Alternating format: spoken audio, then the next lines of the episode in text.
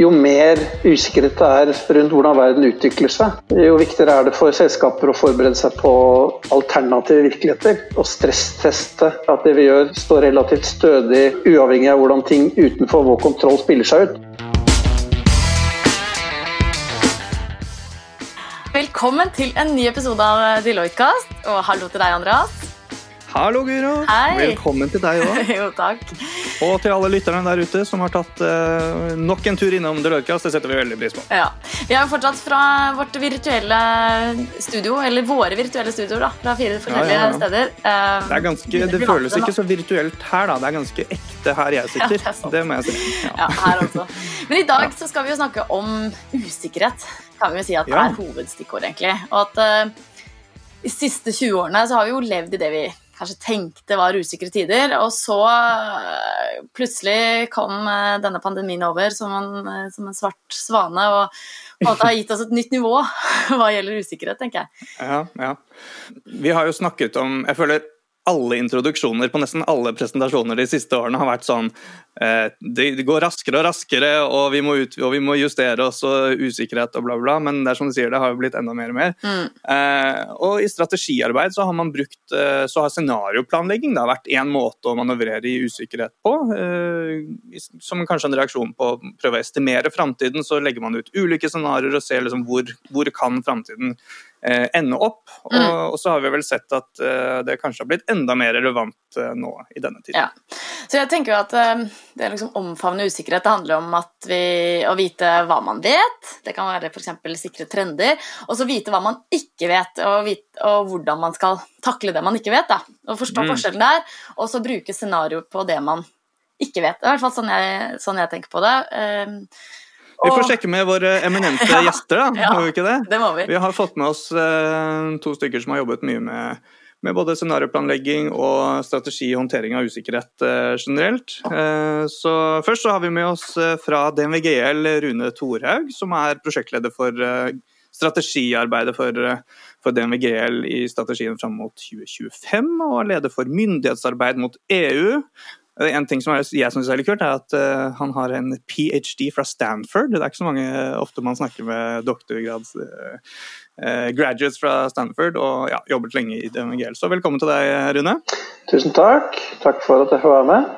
Ikke sant? Veldig veldig hyggelig at du tar deg tid til det. Og så har vi med Jon Olsen, som er senior manager i strategiavdelingen vår i Deloitte, og ansvarlig for eh, strategisk transformasjon, markedsinnsikt og scenariomodellering. Og velkommen til deg også, Jon. Takk skal dere ha, og takk for at jeg fikk lov til å delta. Um, så i dag så skal vi jo løfte blikket litt. Vi snakket nå litt an i innledningen på, eh, om at eh, ja, covid-19 er liksom en ekstra usikker tid, men nå skal vi løfte blikket litt og reflektere rundt hvordan man kan tenke rundt og manøvrere i usikkerhet sånn generelt. da. Hvis vi, for å begynne litt nå på å forstå hvorfor vi da kan bruke scenarioplanlegging. Hva tenker dere at Hvorfor er det en god måte med scenarioplanlegging å håndtere en usikker framtid på? Hvis jeg skal, skal begynne litt her, så tenker jeg jo at uh, uh, usikkerhet er jo, er noe som de fleste er ganske ukomfortable å håndtere i. Og, og tradisjonelt så har vi håndtert usikkerhet med uh, å prøve å fremstille det vi vet. Eh, og Det er vel og bra, og det skal man fortsette med. Men, uh, men minst like viktig når man håndterer usikkerhet, er jo egentlig å se på hva kan mulige utfall være? Hva kan ulike, mulige, mulige, ulike fremtidsbilder være? Uh, og ved å tenke litt mer på Hva er de kritiske usikkerhetene? Hva er de usikkerhetene som betyr noe for meg eller min bedrift eller mitt marked? Så får man en annen måte å tenke på, på hvordan man skal håndtere fremtiden. Så man er litt mer forberedt på hva som kan skje, fremfor å se bak i tid og si at dette er det som tradisjonelt har sett. Så Det tenker jeg kanskje er det viktigste uh, scenarioplanlegging kan bidra med. Og så er det kanskje sånn altså, at jo, jo mer eh, usikkerhet det er rundt hvordan verden utvikler seg, jo viktigere er det for selskaper å forberede seg på alternative virkeligheter. Uh, Dvs. Si å stressteste eh, at det vi gjør står relativt stødig eh, uavhengig av hvordan ting utenfor vår kontroll spiller seg ut. For meg så er det litt sånn enkelt sagt at det er, det er en måte å strukturere opp alternative virkeligheter som gjør det uh, mulig å forberede seg noe bedre. Og, og at vi uh, gjennom det å strukturere opp alternative virkeligheter, så blir vi mer samforståtte omkring hva vi er relativt sikre på, og hva vi er mest usikre på, som det er antatt at vil være viktig for oss. Ja. Og, og hvis jeg, ja, hvis jeg får supplere litt, så er det jo eh, Og det er ikke sånn at fremtidsbilder eller scenarioer er noe nytt, men, men, kanskje det som er, er nytt, er at vi, vi, på en måte fremdyrker mer hva som er den kritiske usikkerheten, som, som Rune sier. Og, og, og, vi skal likevel håndtere det som er sikkert. Og det som er sikkert, skal vi uansett håndtere i strategier og planer og tiltak. Men ved å eh, forstå kritiske usikkerheter, ting som er eh, plausible virkeligheter, men, men, er veldig forskjellige virkeligheter, så kan vi, som Rune sier, vurdere hvilke tiltak egner seg alle fremtidsbilder, versus hvilke tiltak er det som eh, er spesielt viktig å iverksette dersom vi havner i en situasjon i et fremtidsbilde som er veldig optimistisk, eller et fremtidsbilde som er veldig pessimistisk. Så det gir en mulighet til å navigere, og, og i hvert fall sånn, ha planen for å navigere dersom det havner inn i et, et uh, fremtidsbilde. Mm. Altså, jeg tenker jo at um, i hvert fall sett prosjekter som både Du kan ha store eller mindre scenarioprosjekter, og du kan tenke kvalitativt eller kvantitativt. altså F.eks. at du kan ha ulike akser eh, som gjør at du får liksom fire forskjellige bilder, og du skriver det ut i tekstform, og, og kan jo kanskje supplere med, med bilder og sånn, men så tenker man bruker jo også scenarioordet, i hvert fall også hvis du på en måte mer sånn en finansiell eh, projeksjon. Eh, ja. Er du enig i det, Jon? At du kan tenke scenario både kvalitativt og kvantitativt? Altså, øh, du kan i hvert fall tenke scenario basert på drivere, og av og til så vil driverne veldig enkle å kvantifisere. Og av og til så vil de usikre driverne veldig vanskelig å kvantifisere. Um, og så er det ikke noe feil altså, å bruke scenario i et, et bredere perspektiv. Men Uh, og, og, det er mye så bra som gjøres rundt ren matematisk scenariofremskrivning, altså mer kvantitativ gjøre det som, som FHI gjør om dagen, i til å, uh, å, å sjekke det, det rent kvantitative perspektivet. Men det er fullt mulig å koble det, som egentlig var, var spørsmålet ditt. Og så tror jeg også um, at det å, å, jobbe med scenarioer, jobbe med drivere, det kan, det kan være um, ting som er lett å kvantifisere. Altså, uh, ta f.eks. hvis du vil lage scenarioer rundt et oppkjøpscase hva er verdien av et oppkjøpscase basert på ulike scenarioer, så er det en, en ren kvantitativ øvelse. Uh, skal du gjøre scenarioer basert på mer uh, litt sånn langfattende fremtidsbilder, så tror jeg kanskje det er vanskeligere å, å kvantifisere det i hvert fall eksakte uh, tall og beløp. Så um, Jeg tror ikke det, tror scenarioer brukes så mangt, men når vi snakker om scenarioplanlegging, så snakker vi egentlig i all hovedsak om, om å håndtere usikkerhet gjennom, gjennom kritiske drivere. Um, og kan være, de kan være i høy grad kvantitative, eller de kan være vanskelig å kvantifisere. Mm. Mm. Og da hører jeg deg også si at um, det handler jo ikke om å prøve å predikere fremtiden, men egentlig å ja, selvfølgelig da få opp ulike scenarioer, men, men um, man er egentlig ganske tydelig på at det, vi prøver ikke å predikere, sånn som man kanskje har hatt en tendens til tidligere, hvis man skal si det sånn. Ellers, eller, eller kanskje man maler kanskje med litt bredere pensel, uh, i hvert fall i noen tilfeller. Og så sant, predikere, da, da, Når du bruker det ordet, så er det på en måte da, da framskriver du en virkelighet. Uh, og det, det, kan jo være nyttig. Uh, poenget med scenarioet er vel at man på en måte tenker seg alternative virkeligheter. Mm. som, jo kan, som jo kan spille seg ut. Og jeg, jeg, liker egentlig det med at, som sier med, at det handler om å male litt ut flere ulike, altså mulige realistiske, men, men veldig forskjellige scenarioer. For å åpne dette tankelandskapet som egentlig er eh, hvorfor vi bruker scenarioer, som handler om å forstå implikasjoner. Hva ville vi ha gjort i et ulikt scenario? Hva er riktig å gjøre i et ulikt scenario? Og, og, og, jeg tror egentlig Det er et veldig godt sånn tankebilde, så vi egentlig maler ut. Uh, og Istedenfor å predikere, predikasjon kan være et element av det, så prøver vi å tenke videre. Mm. Så jeg tenker I eh, strategiutvikling sånn, i Deloitte så bruker vi bl.a. metodikk eh, som heter zoom out, zoom in, hvor vi ser på eh, zoom, out, zoom, out, og vi tar helikopterblikk og ser 15 år fram i tid, og så også tenker på kortsiktige det neste året, hva skal vi gjøre der. Så Hvis vi kan prøve å snakke litt om liksom, kort og lang horisont her, tenker dere at det er noe forskjell på scenarioplanlegging Altså, bruk, på kort og lang sikt? bruker man scenarioer både i, for det neste året, eller er det da mer sånn hvordan blir de konkrete planene for det neste året basert på de fire scenarioene, f.eks.? Jeg tror, Hvis jeg skal starte litt på det, så tror jeg egentlig uh, usikkerhetshorisonten sier noe om hva de bruker første scenario for. Så, uh, akkurat nå så er vi uh, mer usikre på hva som kommer til å skje rundt covid-19 i oktober enn vi er om fire år. Altså Om fire år så har vi mest veldig stor sannsynlighet for vaksine, vi har bedre medisinske behandlinger.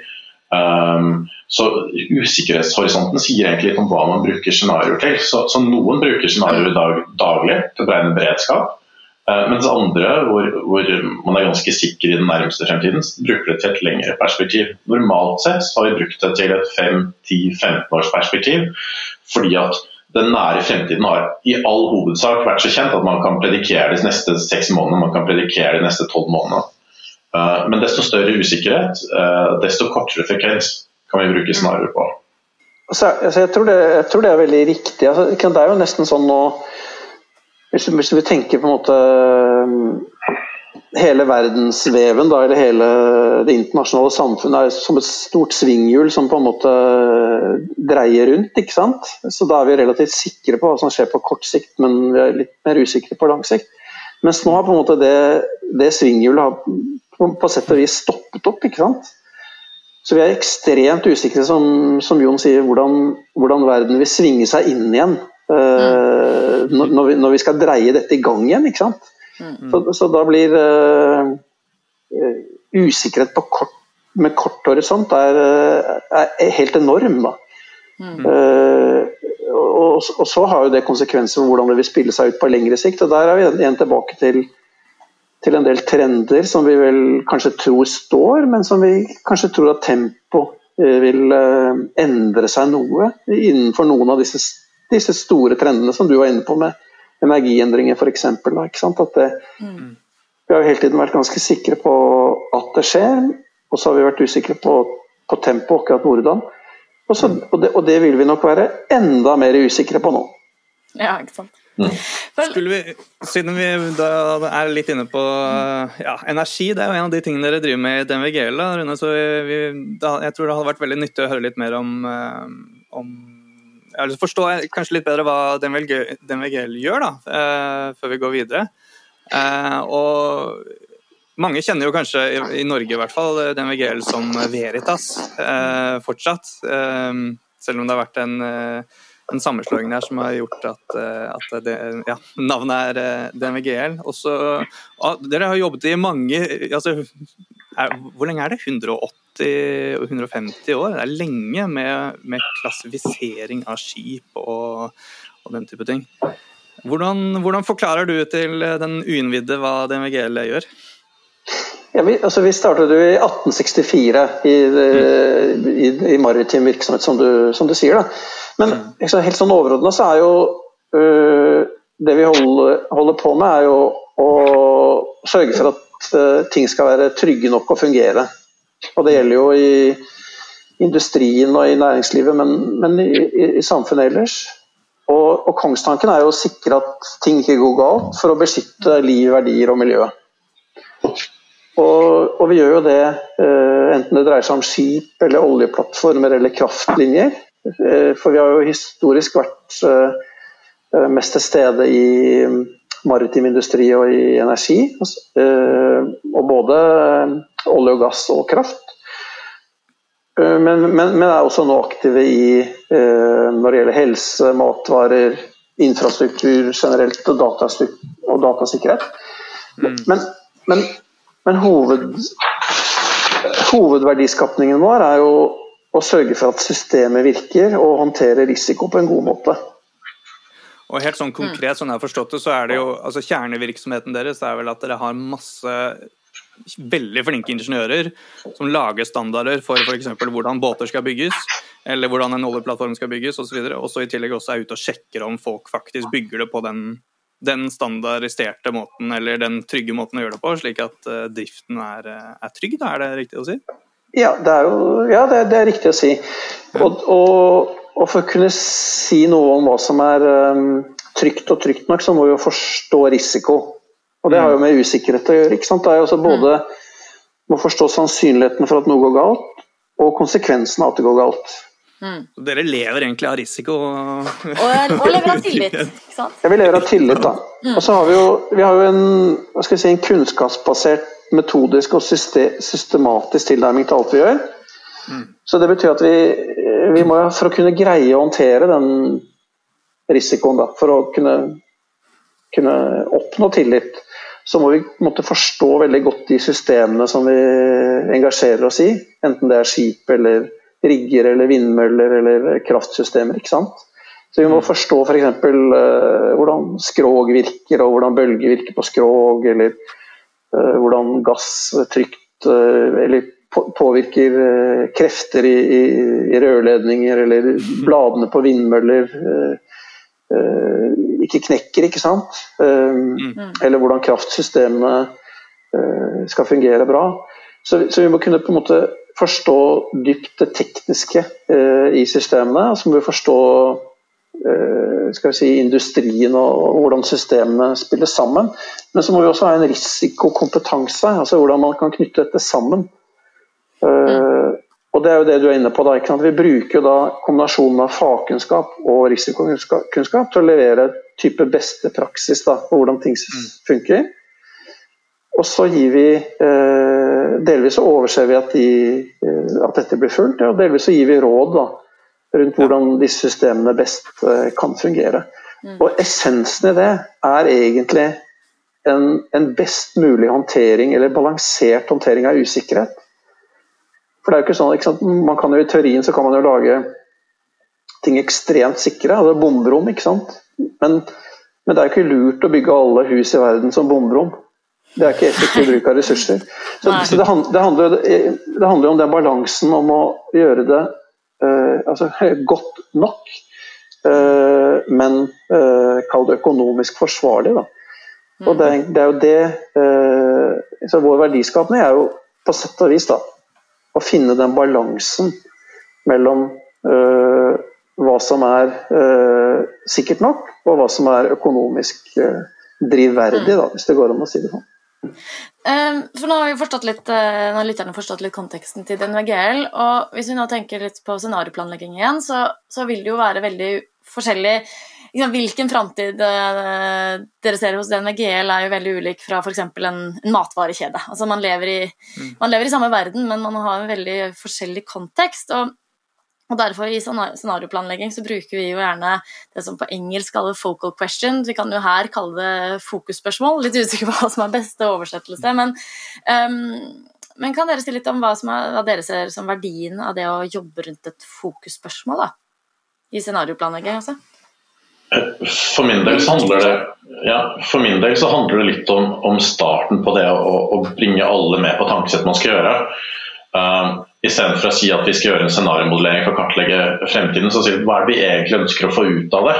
At du allerede innledningsvis stiller noen av de viktigste temaene som, som du jobber med når du jobber med, med fokusspørsmål. Uh, og, og, rett og slett for å dra alle i gang på lasset, men, men også fordi at det er viktig når du eh, skal begynne å kartlegge drivere.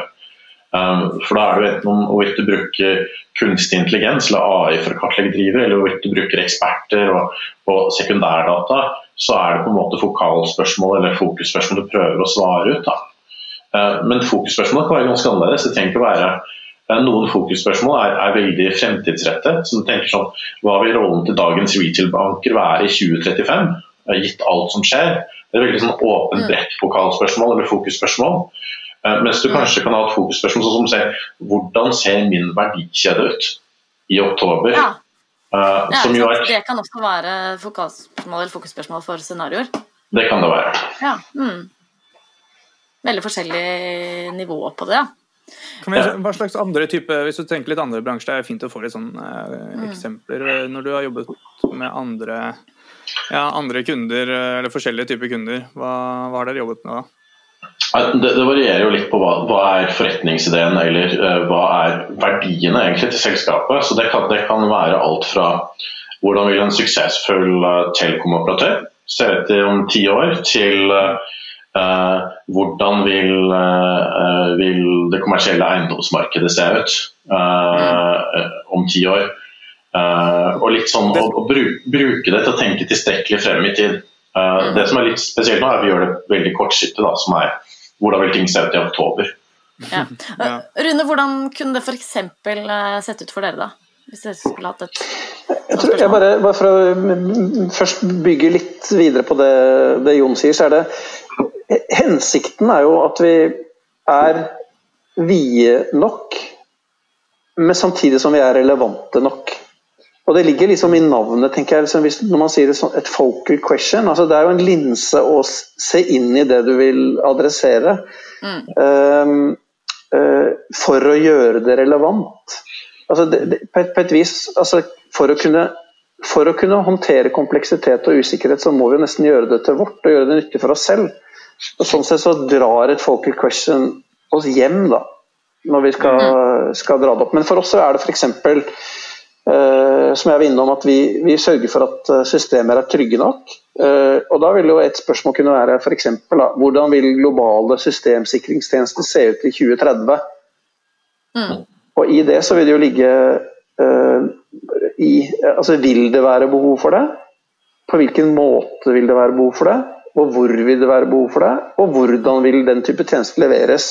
Mm. Det vil være noe av det som blir adressert gjennom et sånn type spørsmål. Da.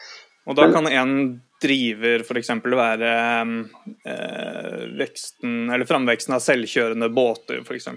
Ja, for, ja, for eksempel. Eller, eller uh, automatisering, eller uh, bruken av blockchain. Ja, blok, bruken av blokkjede. Uh, det er veldig mange elementer. men men, men, men det, er, det, blir på en måte Måten man ser ut i verden, eller utenfra verden og inn, vil være veldig forskjellig avhengig av, av hvilket spørsmål man stiller. da. Mm. Og, og, dermed så blir det ganske viktig uh, å, å, å, bruke en del tid på. En tid, på den linsen, kan du si. Fordi, mm. fordi da, vil, da, vil, det arbeidet som, med å identifisere usikkerheter man pak, hvordan man pakker det i ettertid i scenarioer, eller hvordan man ønsker å strukturere det, eh, er selvsagt viktig. Men, men, men, det viktige er jo da at man adresserer de usikkerhetene som er spesielt relevante. Mm. Og, og, for det vi jo ønsker igjen, da, og det, og jeg, det er mulig jeg overstresser det nå, men det, men det man ønsker å gjøre, er jo å stressteste valgene til syvende og sist. Mm. mm. Valgene i strategien, ja. ja. Men Jon, når man da har et fokusspørsmål, eller fokalspørsmål, hva, hva, er neste steg? Hvis du kan bare gi sånn kjapt, kjapp intro til hva man da gjør. Du var inne på at vi bruker AI, f.eks. Ja, ja, det vi gjør er egentlig det Rune sier. Hvordan oversetter vi uh, den linsen ned til hva er det som er de viktige driverne? Uh, og Da starter vi ofte uh, ganske bredt med det å forstå markedet og ha en ganske bred driveranalyse. Eh, og det, som sagt, Den driveranalysen kan være eh, støttet av AI-verktøy eh, og gjøres vesentlig raskere enn det den kunne gjøres fort. eller det, det, og med supplerende intervjuer med eksperter som, som er viktig å ha med seg i tillegg til, til AI. Men det vi da normalt sett gjør, er egentlig å forstå hvilke trender og drivere er det som egentlig kan bidra til å svare ut det fokalspørsmålet.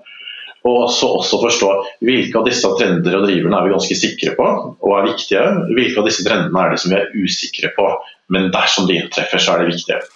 Uh, og så styrer vi ned mot det som er det vi kaller kritisk usikkerhet, som er de, uh, de driverne og trendene som er definitivt viktige dersom de inntreffer, men uh, det er usikkerhet om de inntreffer.